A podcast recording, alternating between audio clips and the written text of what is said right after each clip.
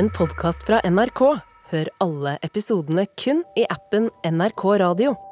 Og så, så, er det en poetisk beskrivelse av en livsfølelse som er veldig gjenkjennelig, tror jeg. Og hvis den ikke er gjenkjennelig, så er jeg veldig ensom her i verden. Mm.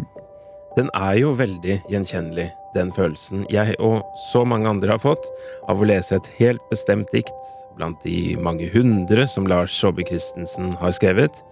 Det om ensomheten som plutselig inntraff en dag, når vennene fra den begivenhetsrike fortida plutselig ikke var der lenger.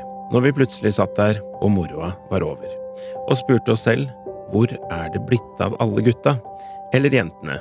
Uavhengig av om det er vår eller de andres skyld at det ble sånn.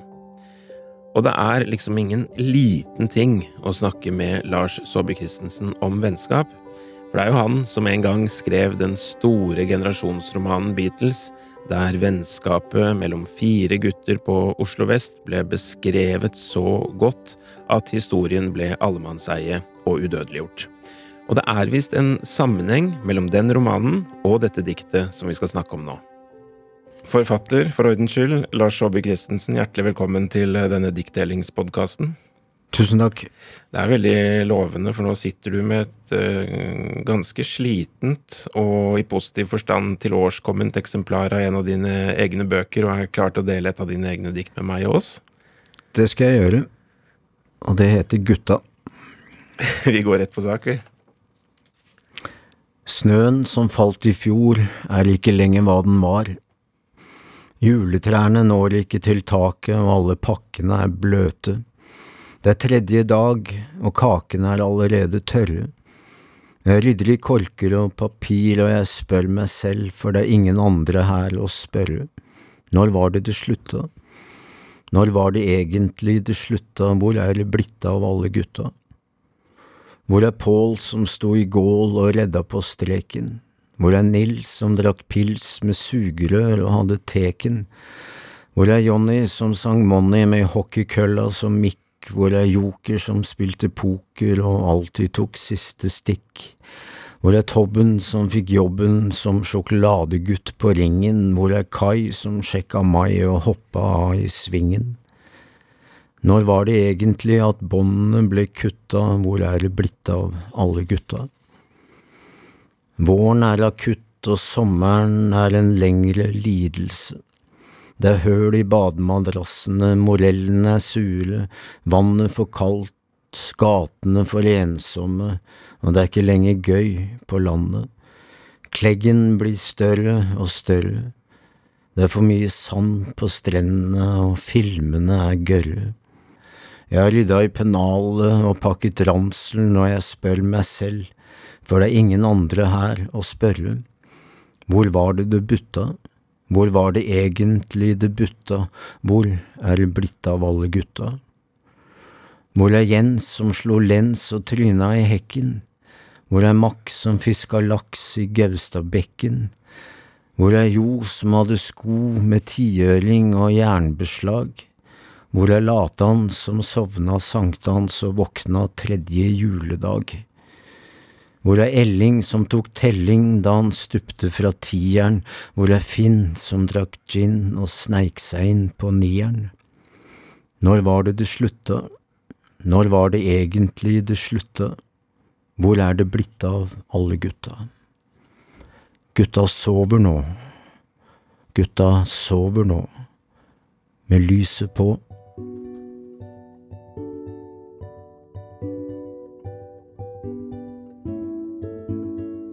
Jeg syns jo du gjør noe genialt her, da. Uh, mulig analysen svikter litt fra min side, men, men dette er jo et dikt som som virkelig liksom gir oss noe vis-à-vis nostalgien og de og sentimentale følelsene, men så starter du egentlig med nesten å jeg vet ikke, harselere er et sterkt ord, men å på en måte i hvert fall gå litt i rette mot, med sånn litt teit nostalgi ved å si 'snøen som falt i fjor, er ikke lenger hva den var'. Mm. ikke sant? At uh, du skaper deg et veldig fint rom der til å ta oss med inn i, i den uh, nostalgien som mange av oss ja. føler på.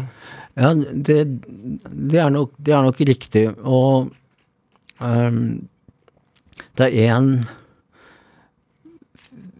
følelses... eller et emosjonelt nivå som knapt er tillatt i poesien og litteraturen ellers, og det er sentimentalitet. Eh, den er nærmest bannlyst av gode, gode grunner. Eh, men i rockmusikken og popmusikken så er sentimentaliteten uh, viktig. Og den er til stede til de, til de grader. Uh, så jeg låner på en måte litt av rockens sentimentalitet i diktet, tror jeg. Og det syns jeg skaper en sånn form for frihet, da, når jeg skulle uttrykke meg eller prøve å uttrykke det jeg eventuelt hadde på hjertet. Og så har den jo det til felles med en del andre dikt her i verden som har en sånn veldig sterk enkeltlinje som står ut og egentlig representerer uh, hele diktet, og som folk uh, går rundt og husker. Hvor er det blitt av alle gutta? Ja. Vi, vet hvor det bærer allerede der, på en måte. Ja. Diktet er jo skrevet uh, like etter at romanen Beatles kom ut. Og da den kom ut, så var det et voldsomt trykk på meg som forfatter, da. I hvert fall opplevde jeg det selv. Og det uh, Ja, det, det, var ganske voldsomt. Det lignet ikke noe på noe jeg hadde opplevd før. Uh, kanskje ikke etter heller. Og da var det usedvanlig mange som maste på når kommer oppfølgeren? Når kommer neste bind av romanen Beatles? Og da gjorde jeg meg litt sær og uh, selvhøytidelig og sa at den ville jo selvfølgelig aldri komme. Og så skrev jeg dette diktet og kalte det for en og for meg var det en fortsettelse av, av uh, romanen Beatles. Altså, gutta er andre bind av Beatles. Mm. Nemlig. Av og til så har jeg tenkt at jeg, jeg kunne faktisk eh, omskolert meg og levd av å dra rundt i 40-årsdager og lese diktet høyt, for jeg har fått ganske mange henvendelser underveis. Og da har jeg også fått eh, spørsmål om, la oss si det er Rolf som eh, er, fyller 40 år, om jeg kan skrive et vers til Rolf. Og da Hvor er Rolf som spilte golf, osv. Det gjorde jeg ikke da. Men det er jo noe i dette diktet som øh, Altså, ja, når jeg leser diktet, så angrer jeg på måte på at jeg ikke levde litt mer sånn uten håndbrekket på som ung. Da tok litt mer sjanser. Øh, men samtidig identifiserer jeg meg sterkt med dette at alt kan skje, at øh, at du opplever uh, til dels litt spektakulære ting, mister verdigheten for et øyeblikk. Alt dette er at du liksom flyter rundt i, i tilværelsen, og, og, alt kan skje før uh, selvkontrollen overtar. Mm. Ja, og det, det, det, skulle jeg også ønske jeg hadde gjort. Eh, jeg satt jo på rommet mitt, jeg skrev, holdt jeg på å si. Jeg var ikke spesielt utagerende av meg på noe, som helst måte. Kanskje det man skriver er kontrafaktisk, at man Det er det omvendte av det selvbiografiske. Man skriver om alt man ikke gjorde, og man skriver om den man kanskje ikke var. Hva vet jeg?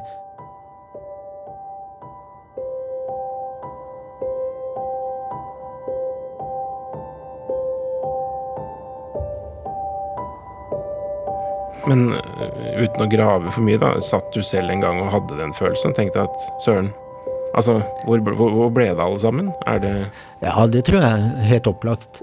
Um, og, det er, tror jeg er en, en tankegang eller en, en, bevissthet som treffer deg på forskjellige punkter i livet. Først i når du ikke fremdeles ikke er noe særlig gammel. Altså, jeg skrev det mens jeg var noen og 30, par og 30 år.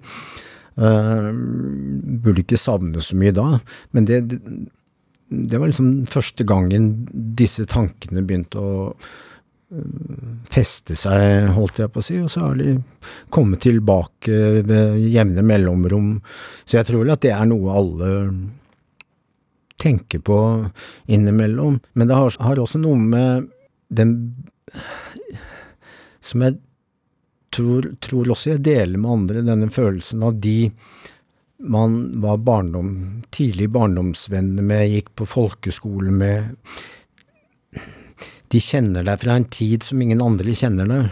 Og det er noen referanser som er helt unike, og som oppfattes straks man, man møtes. Og det er eh, helt umulig å gjøre seg til i en sånn uh, sosial sammenheng. Og det, um, det syns jeg jeg merker de gangene man har hatt uh, gjenforeninger etter 30 år, etter 25 år, eller nå etter 50 år man setter seg omtrent der man satt i klasserommet når man kommer inn i rommet, og det, det, er, det er, veldig interessant. Det er noe sånn helt grunnleggende som jeg tror folk sånn intuitivt skjønner. Karen Bliksen har sagt i et intervju som jeg så på TV, som var gammelt opptak selvfølgelig, som var veldig gjorde inntrykk på meg, nemlig at jeg eier ikke min erfaring. Altså erfaringen er noe som også angår andre mennesker. Og det er å ta del i de kollektive erfaringene som kanskje er forfatterens uh, arbeidsmetode, hvis man kan bruke et så dønn kjedelig, kjedelig ord. Men akkurat det er et svært viktig poeng, fordi når man snakker om alt dette med virkelighetslitteratur og ditt og datt, og hvor mye er selvbiografisk, og hvor mye er ikke det, så er det en slags underkjennelse av, av um, diktningen som størrelse, diktningen som, som uh, et, også et fag. Uh, og jeg dikter, jeg håper for guds skyld det, men et sted kommer det fra, og ikke nødvendigvis bare meg. Jeg skjønner at det ikke er noen vits i å prøve å finne ut av om Lars har kjent en eh, Jens som slo lens personlig, eller om det var noe forsøk på laksefiske i Gaustadbekken i hans eh, barndomsby.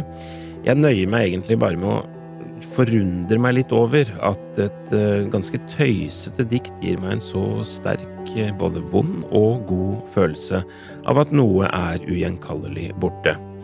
Selv om Lars og jeg nok eh, aldri har lignet noe særlig på de livsbejaende typene i diktet.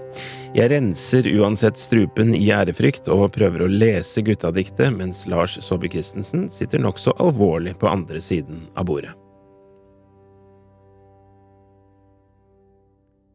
Snøen som falt i fjor, er ikke lenger hva den var.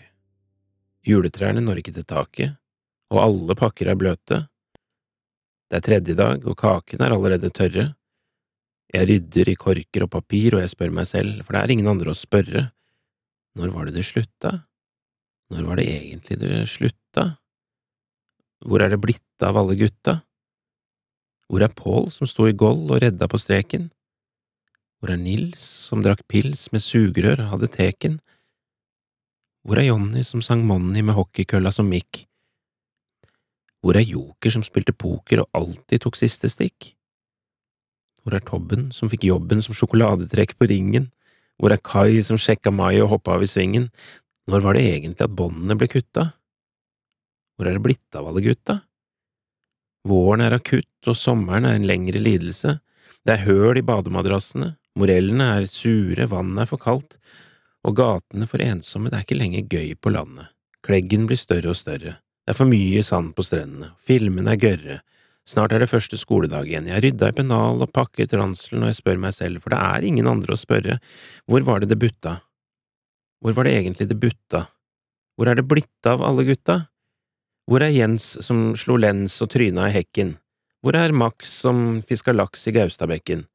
Hvor er Jo som hadde sko med femtiøring og jernbeslag? Hvor er Latans som sovna sankthans og våkna tredje juledag? Hvor er Elling som tok telling da han stupte fra tieren? Hvor er Finn som drakk gin og sneik seg inn på nieren? Når var det det slutta? Når var det egentlig det slutta? Hvor er det blitt av alle gutta?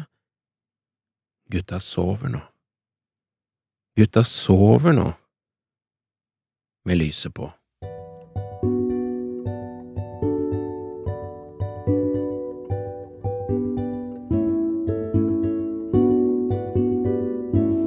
Det var fint å høre coverversjonen. Ja. jeg kjente nervene komme litt der. Ja. Jeg syns det var veldig fint. Denne podkasten er laget av meg, Hans Olav Brenner, Kristine Lossius Torin og Janne Kjellberg. Redaksjonssjef Helle Vågeland. Og så tok alle på seg noe pappa eide. En T-skjorte eller en genser, for at vi ikke skulle glemme hvordan han lukta. Dette er Selma, på 16 år. Veldig lenge var livet hennes akkurat som alle andres. Men så, en morgen for fire år siden, ringte det på døra. Det var politiet. Og jeg visste ikke hva jeg skulle gjøre. De hadde kommet for å hente faren hennes, Ahmed. Han eh, blåste et kyss til oss før han satte seg inn i bilen. Podkasten Selma og pappa er historien om en flyktning og dattera hans. Og det er historien om en 22 år gammel løgn. Hør Selma og pappa i appen NRK Radio. Du har hørt en podkast fra NRK. Hør alle episodene kun i appen NRK Radio.